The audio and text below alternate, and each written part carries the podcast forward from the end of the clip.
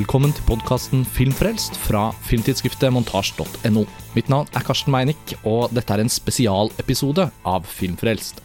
Vi skal ikke som vanlig sitte og diskutere en ny film eller et tema. Vi har vært ute i felten og gjort et intervju med regissør Brady Corbett og hans uh, kreative samarbeidspartner og manusfatter Mona Fastvold, som også selv er regissør. Og De to har da signert den nye filmen Vox Lux med Natalie Portman i hovedrollen, som har norsk kinopremiere 29.3. Filmen hadde sin urpremiere på filmfestivalen i Venezia i 2018. Og som kanskje mange faste lyttere har fått med seg, så diskuterte vi den gang eh, vår store entusiasme for denne filmen. Eh, og i ettertid har vi jo i flere anledninger lagt fram hvor mye vi føler at Voxlux har å by på. Eh, det kommer også til syne i denne samtalen dere straks skal høre. Men Lars Ole Kristiansen og jeg vi ble invitert til å ha en samtale da med Corbett og Fastvold etter førpremieren av Voxlux i Oslo nå nylig. Det var på Vega scene, og arrangementet var da del av en førpremiere for filmen. Så i samarbeid med Vega Scene og distributøren Tour de Force, så har vi i montasje da store gleden av å lede den samtalen. Så publikum satt igjen i salen etter visningen av Voxlux, og Brady Corbett og Mona Fastvold kom opp på scenen. og her skal dere få den samtalen som fulgte. Den varer i ca. 45 minutter. Så dere får ta med det i betraktningen at lyd og, og, teknisk kvalitet er litt preget av at vi da er uh, ute i en kinosal, men uh, håper dere setter pris på samtalen. Uh, det hjelper å ha sett Vox Lux i forkant, det kommer noen spoilere underveis her, så dere får ha det bak øret når dere hører på. Takk igjen for at dere hører på Filmfrelst, og så er vi tilbake med en vanlig episode om ikke så altfor lenge. God lytting. Yeah.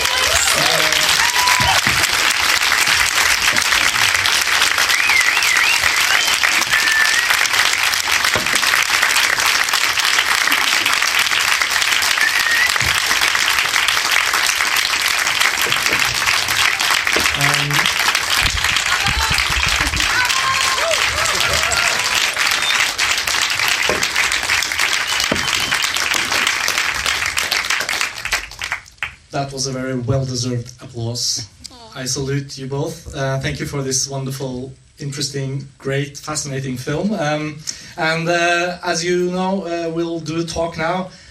My name is Karsten Meinich. I'm here with Lars Ole Kristiansen. We are co-editors in chief of Montage Magazine. Obviously, this will be in English. Um, and we are here with director Brady Corbet and screenwriter Mona Fastvold. Uh, welcome and thank you. Another round of applause.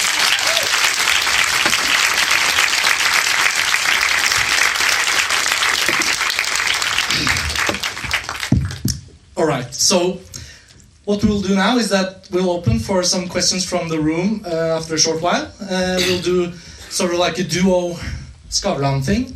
Uh, and um, it feels natural to start off with with the two of you as collaborators, as creative collaborators. Um, some of the audience members might remember that uh, a Norwegian production was actually the first film where the two of you were on the credits together as such. Uh, your feature film debut, Mona, uh, Søvngjengeren, The Sleepwalker. Mm-hmm. Um, and then quite immediately after, it seems like your, uh, your, your next project started off, uh, The Childhood of a Leader, that you wrote together, and your feature film debut. So, could you st- start talking just a little bit about how your sort of creative collaboration had its origins? Where, where, where did it kick off? Well, we, we started on the Sleepwalker and um, started writing that script together. And very soon after finishing that screenplay, um, Brady said, "Well, I have something that I want to direct um, that I've been trying to finish for year, years, and I don't know exactly how to finish it." And then, so we started working on that immediately. Um, and um, so we were kind of as soon as we were done then in, with production and post production of while we, while we were in post production of Sleepwalker, we were, already working on putting the childhood of a leader together. Um, and then we kind of we haven't stopped since then. We're just making one thing after another. Um, takes a long time to make a movie, so um, just you know one's been like tag-tailing the other.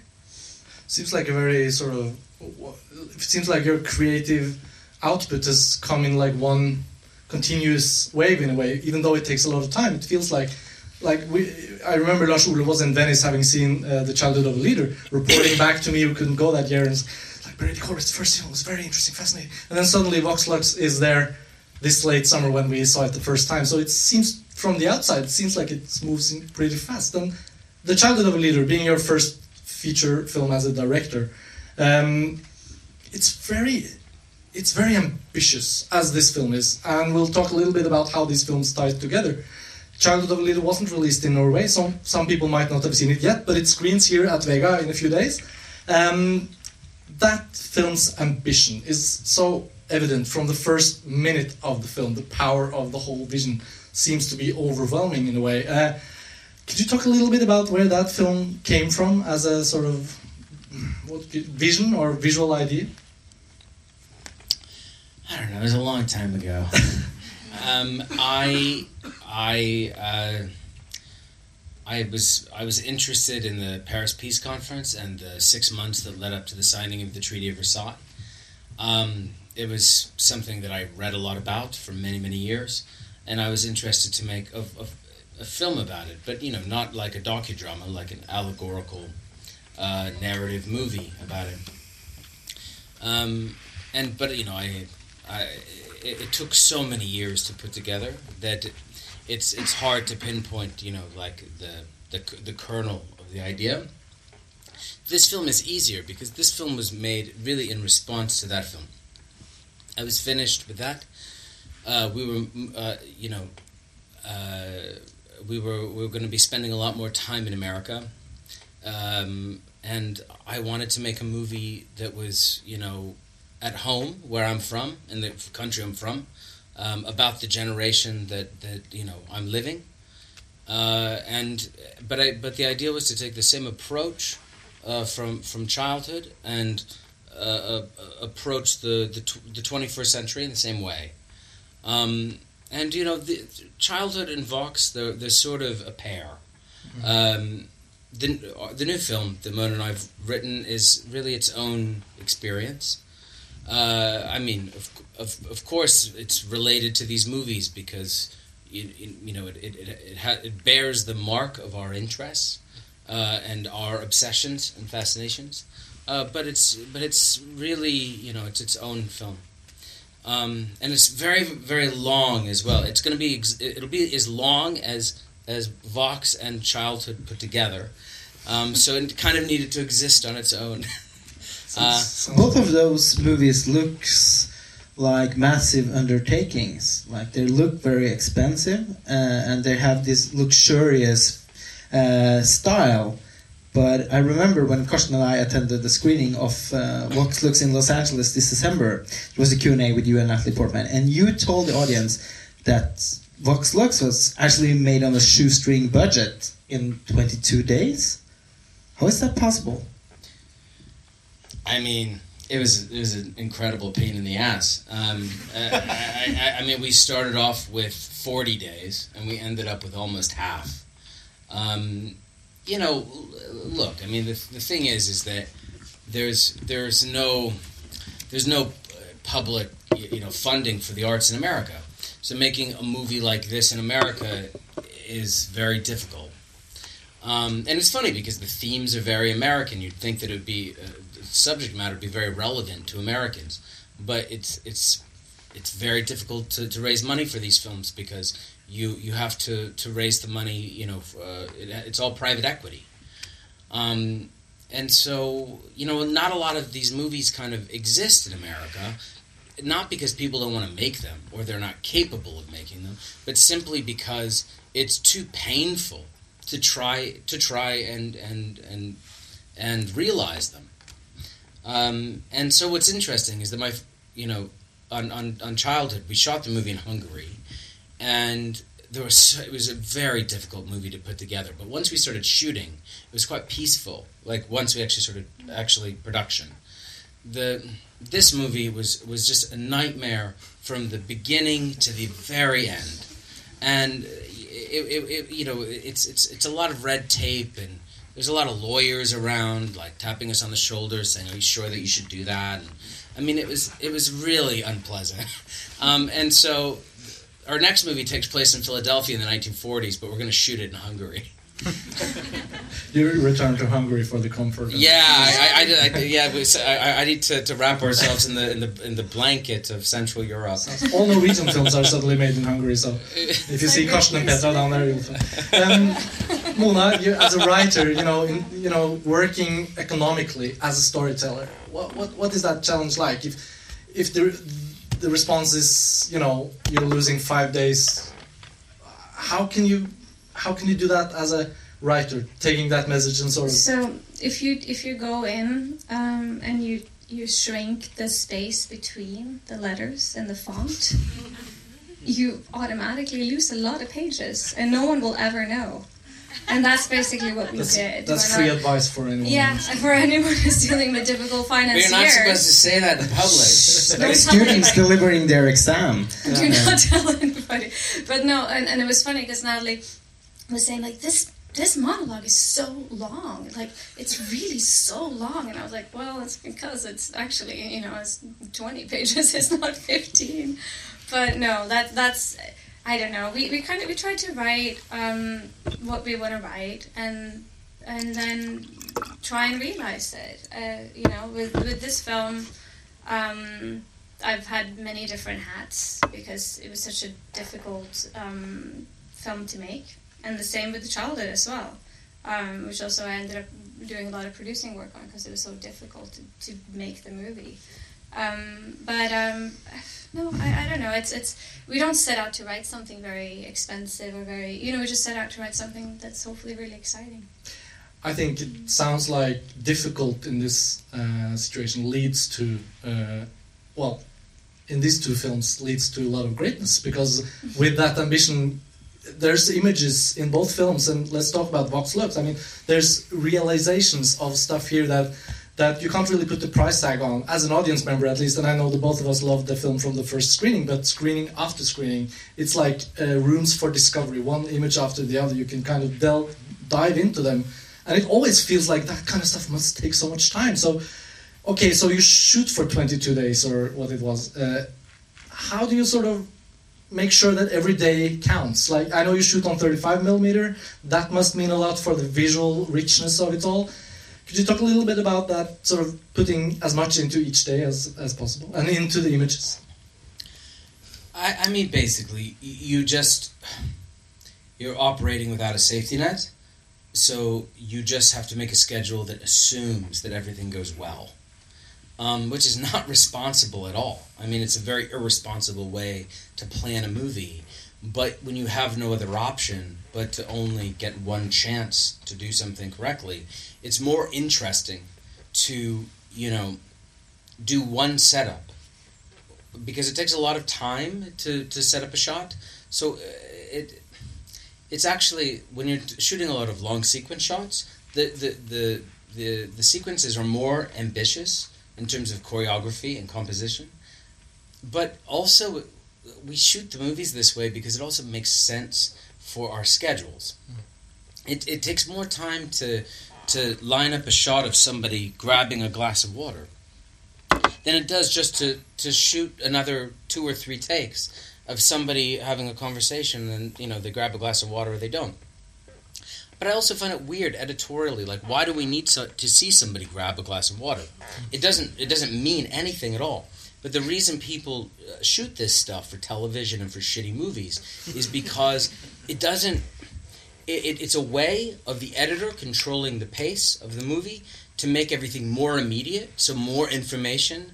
But it, it's really strange because you know, like you know, when like you're like driving somewhere, and you know somebody speeds past you, and then like four minutes later you drive up and you're still sitting at the same same stoplight.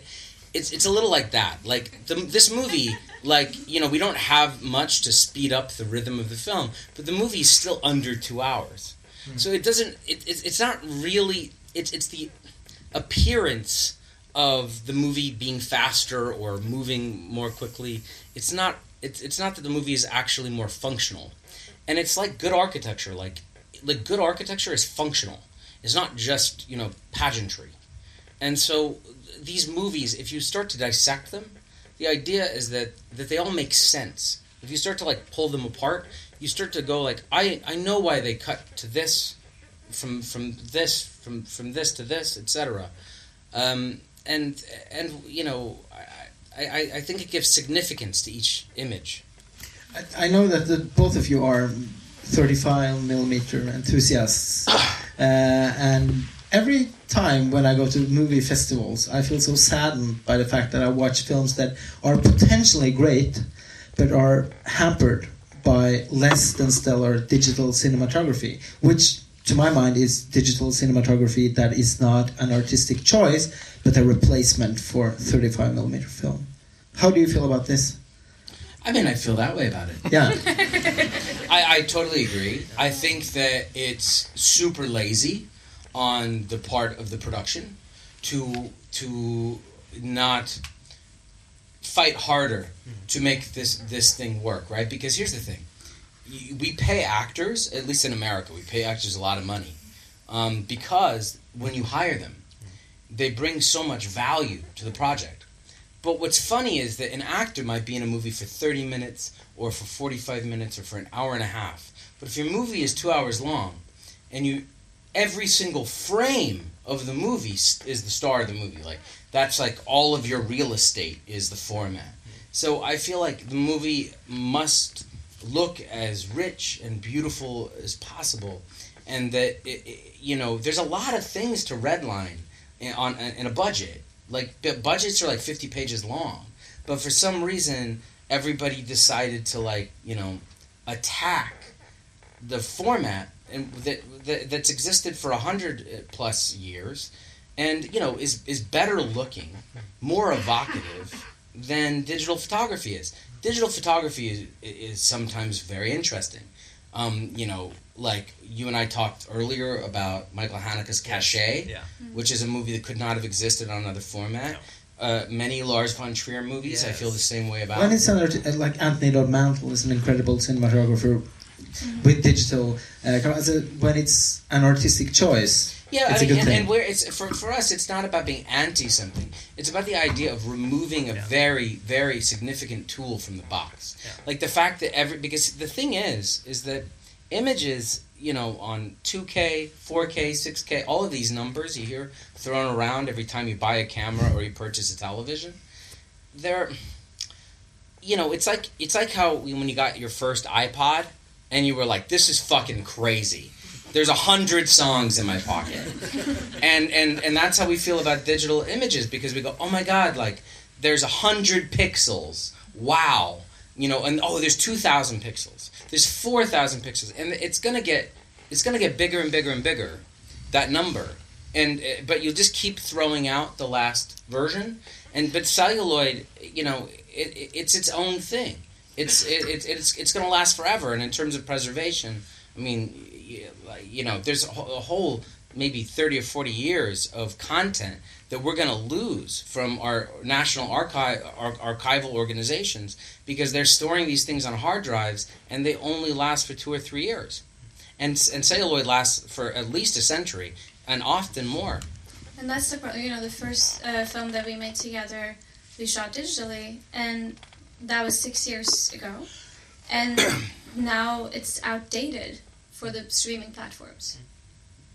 Yeah, there's a weird thing because now if you shot a Yeah. movie that was on 2K and So- delivered in 2K, Yeah, the Alexa 2K. You know, it's it's not it's not um. when you go to resell it later, it becomes there's a like problem. no, it's it's not a, it's not high enough quality. So, uh, but if I shot it on film, I could have just rescanned it to whatever you know 4K, 6K, whatever 12K. it is. So that's that's big. I But we, make but we, but, of al- it and but also rescan it was that, but, freeing to make you that movie on a digital camera. Yeah. Well, I made a movie with Antonio Campos um, in Paris. That- Simon Killer. Yeah, Simon some, Killer. Some might have seen it. Yeah. Yeah, we, There's the Simon Killer fan. yeah, and, and that was a movie. A fan. That's right. You're welcome. He's wearing the T-shirt. it's a good film. but there's but there is a there's a uh, you know that movie like, like Simon Killer is a movie that truly could not have been shot on another format. Like we shot it with in the middle of the street with with no crew.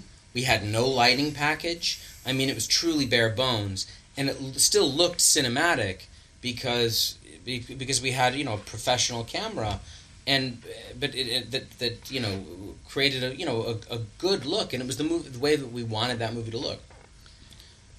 So we've started talking a lot about all the backgrounds and all the formats and all the Mhm. ways to, to get to but Vox Lux, it's a 21st century portrait and this wonderful artist Celeste. Let's start talking about her for a bit. Uh, she's both an enigma and totally obvious in a way. She's both part of this superficial pop culture but she's also so mysterious and there's the Faustian aspect of this whole story that makes it even more interesting to think about after having seen it i think so who is celeste where did she come from I mean, she's supposed to be sort of very emblematic of you know the the moment in time we're living in. Like she's an incredible narcissist. Um, you know, half of what she says is prophetic, half of what she says is bullshit. But it's interesting the mix, right? Because there's she, there, she has moments of lucidity where she says things that are quite on point, or at least there's a logic that you might not agree with, but there's a logic and then and then there's everything else and i i think that somehow we wanted to re- represent this sort of this sort of like narcissism of like like you know so, social media and stuff without seeing it or, or looking at it because it's not very cinematic a to like look at somebody's html fucking website but the the other thing is is that it's it'll it, it, it's going to outdate itself so quickly so somehow you need a character that is like that that that doesn't like go on Twitter, but like is Twitter. she's retweetable uh, in her own way Totally, she's a very Trumpian kind of character. She she really is. I mean, you know, I think she's more likable, but but but she's but she is sort of Trumpy. You quoted her earlier this evening when someone should bring you some something from the bar, and you said, "Yeah, only that's something that's not gross." Well That's a Celeste quote. in this day and age That, that's no, that's a who me cares? quote. So you and Celeste are obviously connected. I, th- I think it's It's interesting. Brady. are you Yeah, I feel like it's. I feel like she's she's she's more me for better or for worse than Mona. Yeah. I feel like Mona maybe has more in common with her daughter. so so when Natalie Portman is like I need some advice on Celeste it's like well Just she's like Brady Just look at Brady. yeah No, uh, no, but I, I think that when Brady started talking about this character and, and writing some really fun speeches for this woman, um, and we started talking about what the story was about, uh, right away I started thinking about this kind of Faustian character, um, this female Faustian character, and um, and then the daughter character, seeing her in a way as this like redemptive character, which is always part of a Faustian story. And I thought that was really exciting and interesting. Like her kind of need to sort of uh, communicate and, and, and for knowledge and, and for more fame and for more sort of autonomy of her own career. And that's something that I thought was really interesting to dive into. Yeah, I think that's a, an incredible, gr- uh, great artistic choice here. Is that combination between sort of the fable-like, sort of allegorical aspect and the like, classical mythos of you know like Faustian, as you can use about many types of stories. It becomes quite literal at some point, but because of the the the whole the whole sprawling universe this film takes place in, you're not really directed towards that kind of reading until it's literally said by the narrator.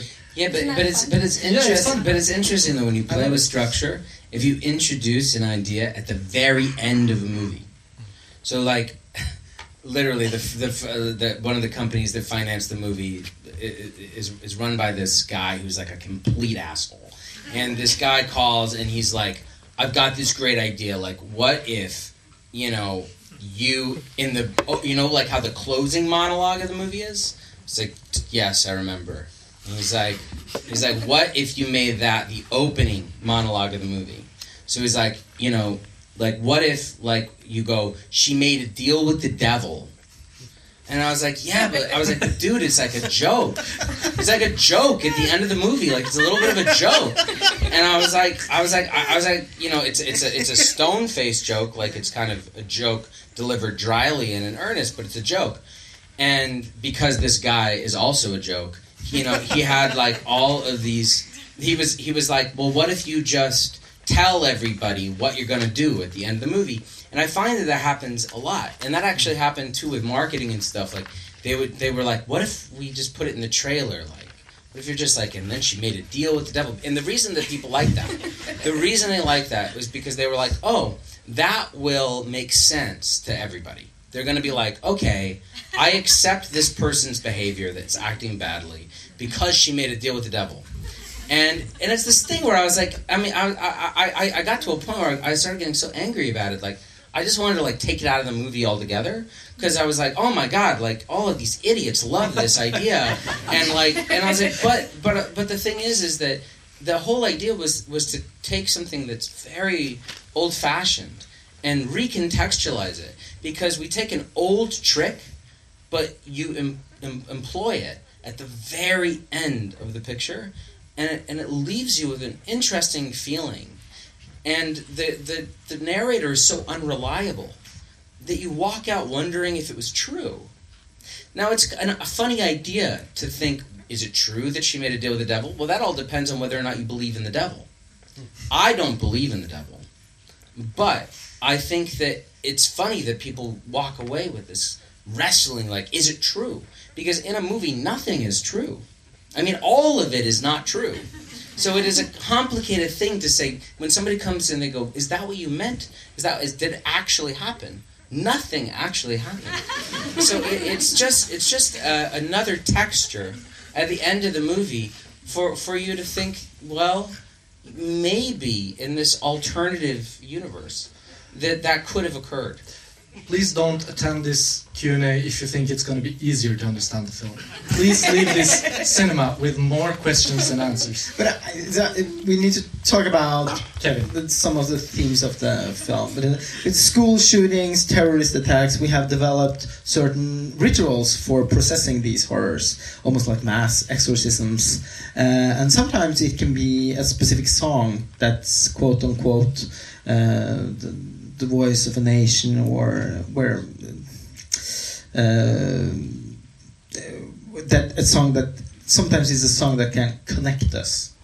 And uh, Vox Lux deals with or discusses how uh, pop culture and terrorism, in some way, is interlinked. That it's about promotion and it's about finding an audience. It's a pretty Promo- bold, promotion of an idea. yeah, because it's a pretty bold element in the film. I mean, there's a couple of things. Mhm. There's a couple. th- There's a couple of things. I mean, obviously, I don't believe that there's any. There's there's no link between pop music and terrorism at all. Um, however, I do think that it's fascinating that the, the the cognizance from both heroes and villains in our culture, the desire to be iconic, is interesting.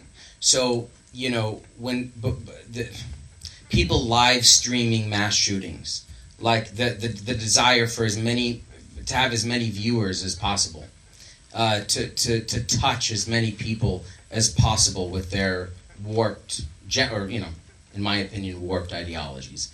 Um, I think there's something fascinating about the fact that that you know villains in the 21st century, I mean real life villains, are cognizant of marketing strategies like a way like uh, well, I find it really fascinating that ISIS has a zine like a like a, like a like a sort of blog magazine thing and it's very fashionable like the layout of it and stuff And it's I- formatted for e-readers. You can take it anywhere. that's right. And so there's something about that which is perverse and strange. Like the desire to be remembered. Like I'm going to go out. Like I don't care if I make a fool of myself. I don't care how many people I harm along the way. I don't care, but like like to be infamous is the same thing as to be famous. And the movie in a way tries to assume the role of that kind of ideology that that by the end of the movie, the movie has the last 20 minutes there's no moral center. So you're watching a concert and there's there you don't you can't move to the left or the right of the movie's ideas. You have to deal with your own ideas. And I think that and uh, you know that that's an interesting experience for us to see the juxtaposition of the first 10 minutes of a movie being a massacre and the last 10 minutes of the movie being a pop concert. And that's the moment in time we're living in because when you open up your Apple News updates, you can either ha- you have one headline that is about the royal family, and then you have like another headline that is about New Zealand, and and and so you every day we have to as as citizens of, of, of the world we, we have to choose our own adventure about what rabbit hole we decide to go down.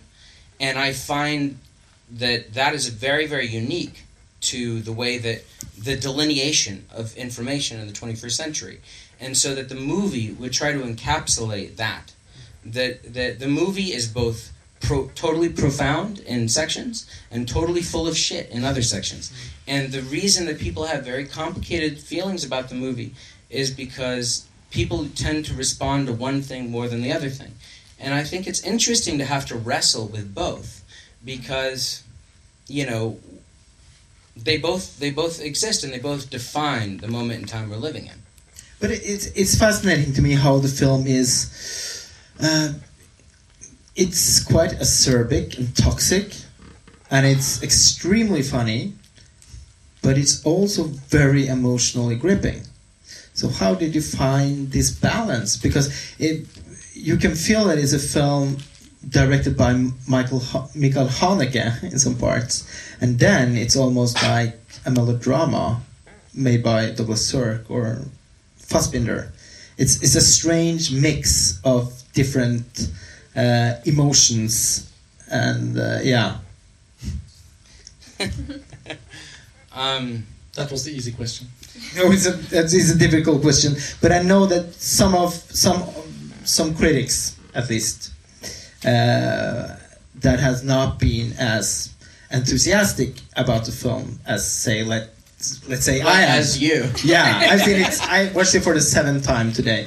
Uh, No, but I think it's our- the American movie my- of the decade. One be of my honest, favorite so- things that I have heard in a long time was that apparently there was a critic today that put out an article uh, here in, in, in Norway that, that was like if that, that hated the movie and they were like they were like if you want to see a real music drama go and see Bohemian Rhapsody. Again. again. Go see it again. If the first time wasn't enough like th- like you'll you'll love it even more the second time like, but it's it's so it's so fascinating I haven't read that no, review. Yeah, well, well, Christian sent it to me because he's, you know, he thought it was funny, and I thought it was super funny. But, it, but it is this, it is this funny, funny thing where it's like there's like a cultural war on, right? Like when we made the movie, we weren't like trying to be the antithesis of anything. Like, No. like there hadn't been a music biopic of note in a little while. I mean, you know, uh, not not that I really w- was aware of. And so, but but the idea was to play with like tropes of like movies from the '70s and '80s, like The Rose by Bette Midler, with Bette, Bette, Bette Midler, or Opening Night uh, by Cassavetes. Like, you know, like we were thinking about those movies, and it's just like a coincidence that A Star Is Born wasn't, you know, like like referencing those movies, but like just was a remake of those movies. So it was just a, a coincidence that they came out at the same time in the same year and and I think that it is interesting that we, especially in America, it's re- like people are so divided. So everyone's just like, like you know, I I love A Star Is Born and that fucking trashy movie that that the fucking loser made. like I fucking hate that movie. That movie's ugly and mean. Or some people are like, oh, like that other stuff's bullshit, and I love. And the truth is, is like there's room for both. Like Of course, and- but I, I we felt like characters in a science fiction movie when during Venice Film Festival, where everyone was praising uh, A Star Is Born, and uh, people were kind of, well, Vox Lux is interesting, but I don't know. Uh, to us, uh, it was uh, obvious that Vox Lux was uh, a more interesting uh, piece of cinematic like- art. To Sure, put it guess, very mildly. it's not surprising that one of them sold more tickets. I'm not shocked. um, but yeah, sure. I, I, I guess yeah, sure. It's it is it is strange that that you know film criticism criticism in general has evolved and and changed and there is sort of this move towards you know the mainstream and the mainstream is sponsored by Nike right? Like that is just true. Like it's you know it's okay. Like I you know I I like wear some Nike shit sometimes. Like that's fine. But but it is weird when you're like when people like get really like have a personal attachment to something that was literally tailor made by a bunch of white dudes in suits. You know, and, and that's fine, but it's it's it's odd that people are very defensive about it, like because they're like, I like that, and that meant something to me, which is fine. But it's it's sort of like it's it's it's it's obviously it, it is obvi- obviously a very corporate thing. So it's fine to like McDonald's, but maybe it's not the best thing in the world to support McDonald's because it's you know part of the reason that we, we're gonna have to wear like gas masks in 11 years or whatever when we go outside. To move to something we might agree more on. Uh, During not- this- not- we all agree. In but- this day and age, with cancel culture, why can't we cancel McDonald's? somebody That just would be a good clapped. They're like, "All right, buddy." so like, move on. I was gonna say, uh, I was gonna um, uh, remind us all and the audience that if you have a question or two, please think for one. Oh, there's a hand already. I was gonna have one and then you, but let's go for the audience. Um, I don't know if there's a microphone, so I'm just gonna come with it. Okay. I think all four microphones are taken by the stage. Hi. Hello, it's Lisa. Oh, that's you, Lisa. Yeah. Oh, that's not fair. You can't answer, ask a question Ah. because she's our friend. Maybe it's uh, a question that many people would like to know. I just want to know how much time you had prior to shooting with Natalie. You know, to get into the groove of the movie, to her character, and how much pre-work Like, did s- like seven hours. Oh, shit. No, I'm not kidding. No, she she worked a lot on her choreography, but She, yeah, in we, of rehearsal, she just comes and we up she she, sh- she showed up and we started shooting, but we don't do a lot of rehearsals actually. I mean, in general, we don't do a ton. And just feel like she owns her character so well. So it's just incredible to watch because she lives it in such like every bit of her body is. I know she's like a sniper. She's really good. So She's she just jumped into it in seven hours. No, but I'm not kidding. Like, I mean, really, like, like we never rehearsed. She showed up. It was a little bit like you know capturing lightning in a bottle. She understood the movie very well. So, Yeah. so Respect. yeah, yeah, it. yeah. I it was a prolonged conversation, though. It was not rehearsal, but it was more about really for her understanding the character and and the story. Yeah, yeah, and how absolutely. she fit into it. But not but and then she just goes does her own thing and then shows up and executes. Yeah, I mean, as soon as she understood that it was supposed to be operatic, then she locked into operatic. Like she understood that it was, it was not something that was supposed to be internalized at all. It's something totally external. I, I think it's interesting because you, the first half of the movie, you have you know a negative to her positive.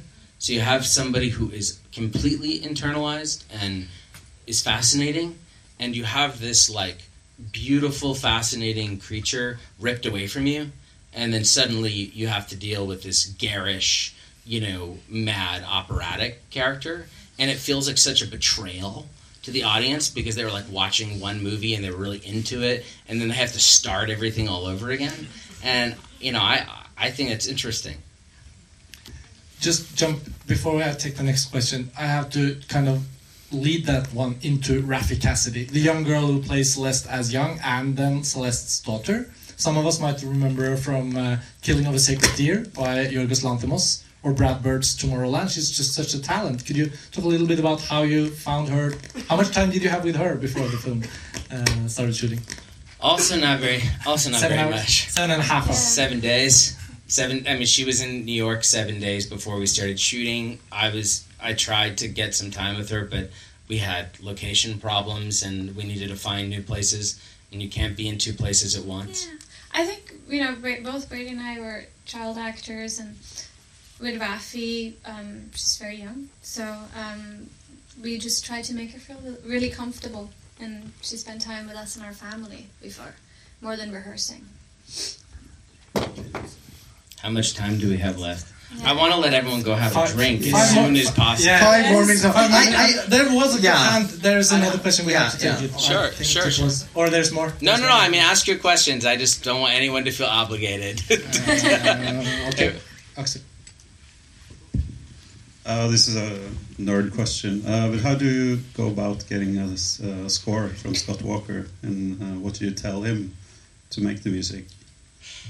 Uh, and did you hang out with him and like? Yeah, of course. Um, yeah, Scott Scott passed away this weekend, so it's been a really hard week. Um, I'm struggling a lot with the idea of making another movie and finishing it without him because I had somebody that at a point in the process when you don't feel particularly brave, like when you're really tired and everybody's just made your life so shitty for so long and you're kind of ready to just give in like on some thing like somebody's like I don't like the color and you're like all right I don't care. Make it black and white. Make it sepia. I don't give a shit anymore. And when you have you know you you have moments when you really are ready to give up because it's just you have to fight about every single thing. Like every single second of the movie is a fight. And Scott Walker was at the end of my fucking battle and there's like one asshole left that you have to to deal with. And Scott would be like it's worth it. Just kill him. And I I I love Scott so much for his bravery. He was a punk even at 76 years old. And he was I mean just an angel. And I, I was a huge fan of his. Um, before I knew him. I'm a bigger fan of his because I know him, and um, I, I know that making movies without him will make my movies very different affairs. So much so that I don't I don't think that I don't think that I can approach music in movies in the same way as I did with him. Um, he was my protectorate, and um, I, you know, I felt this way about him before he died. So now that he's dead, I, I am, uh, I cherish the moments that we had together even more. Any more questions? I have a question about the pop music. Sure. Uh, the songs are written by Sia, and uh, for me, the album is actually was my uh, favorite pop album from 2018, with highlights like EKG, Alive, and Hologram. Um, I would attend the Celeste concert first in line, and there's uh, Celeste has these um, this kind of postmodern epiphany at the diner where she says that um, in this day and age uh, nobody really needs a talent anymore or any depth or any authenticity or complexity they just need an angle and in some way she's talking about herself because she's not actually that talented and uh, can you tell us about your relationship to modern pop music and the pop mythology, which is so central to the film? I mean, you know, I'm I'm a human being. I like I, I like I like you know like radio hits as much as anybody else, um, and uh, you know I, I I basically just thought that pop music is interesting for one reason, and the only reason not the only reason that it's important to deconstruct it a little bit in the movie is that every time you get into a taxi cab or you're at the grocery store, you've got this shit like a mantra. Like it's just around all the time, so it's just like a girl like you, that a girl like you, and it's like this shit is just like on all the time, and and like you don't even know who sang it or whatever, but you just know that song, and so it is this kind of there's something almost like religious about it, like it's omnipresence in our lives, and it's super interesting that that music is made by you know the same you know eight to ten people over and over and over again. And these same eight to ten people like they they have a massive influence in our lives and and the ebb and flow of our emotional experience. And so i like it because it's like fucking sugar. Like who doesn't like it? Like it's super it's sugar is delicious but it's but it's also cheap, and I find I find that complicated, and we, we don't have the, we don't have the same like pop music in the '60s and '70s, um, you know, all the way up until um, Reagan basically was pretty interesting, and then things changed a little bit, and and I I. I, and I and I see value in that stuff too, but I think it's important for us to think about where it comes from and who it comes from. And it's um uh, it's I think it's interesting that Celeste in the beginning of the film she's a kind of she's an icon of goodness, uh, a beacon of hope for a nation in sorrow, but she ends up being something that is challenging the discourse, that is the abject. Why is the story told? Why does she end up like that? Well, it's the cycle of most artists, isn't it? Though you start out and then you go you're up in the high high and then they tear you down and you build you up and you tear you down. It's just you know I mean, it's the cycle of life. yeah. We start off and we're Mhm. super hot, and then we get uglier and fatter and balder. And you know, as we as we as we get older, some people do it more gracefully than others. But but it's but there is this thing where everybody like it's crazy. Like an artist is popular for 15 years, and after 15 years, they decided to take a little break. They're like, God, I've been on the road for a long time. I'm gonna eat whatever I want to eat this month or this year, and I'm just gonna like you know forget it all for a second. And then there's like you know millions of fucking trolls who are like, you're fat and you're ugly and you like and you disappointed all of us so much. Our your fans, like all their fans are like these trolls under a bridge that are like that are like no like you like like we like now you're just like us and and you're just ugly just like we are so ugly. And there's something about that which is so perverse like this cycle of like hating somebody because they remind you more of yourself.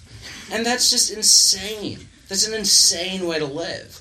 And it's not good for us. It's definitely terrible for them. Everybody ends up in rehab or like shooting heroin in between their toes.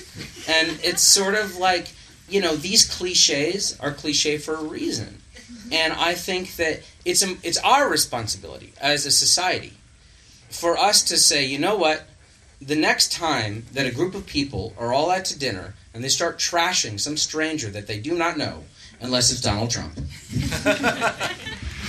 um, that we should stop and think twice about it because celebrities are not our public representatives. They they are not politicians. They did not sign up for that. They they got swept up inside of a machine, for better or for worse.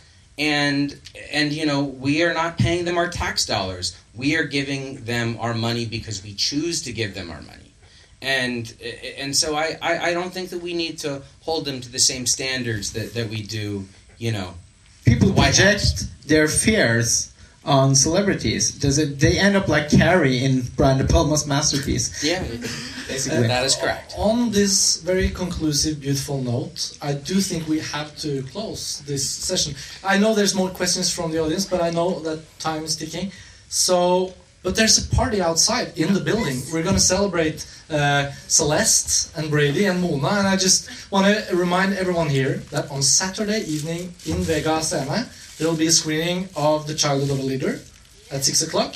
So I recommend all of you to who have not seen it if you if you haven't seen it there's a lot more where this comes from We'll thank be you, back th- too. thank you so Yeah. It's thank, also a thank great you so much to you guys Yeah. You were Yeah. talking about postmodern epiphanies. You are a postmodern epiphany. um, I, I, I really appreciate you you being here. Okay, give them a warm hand, everyone.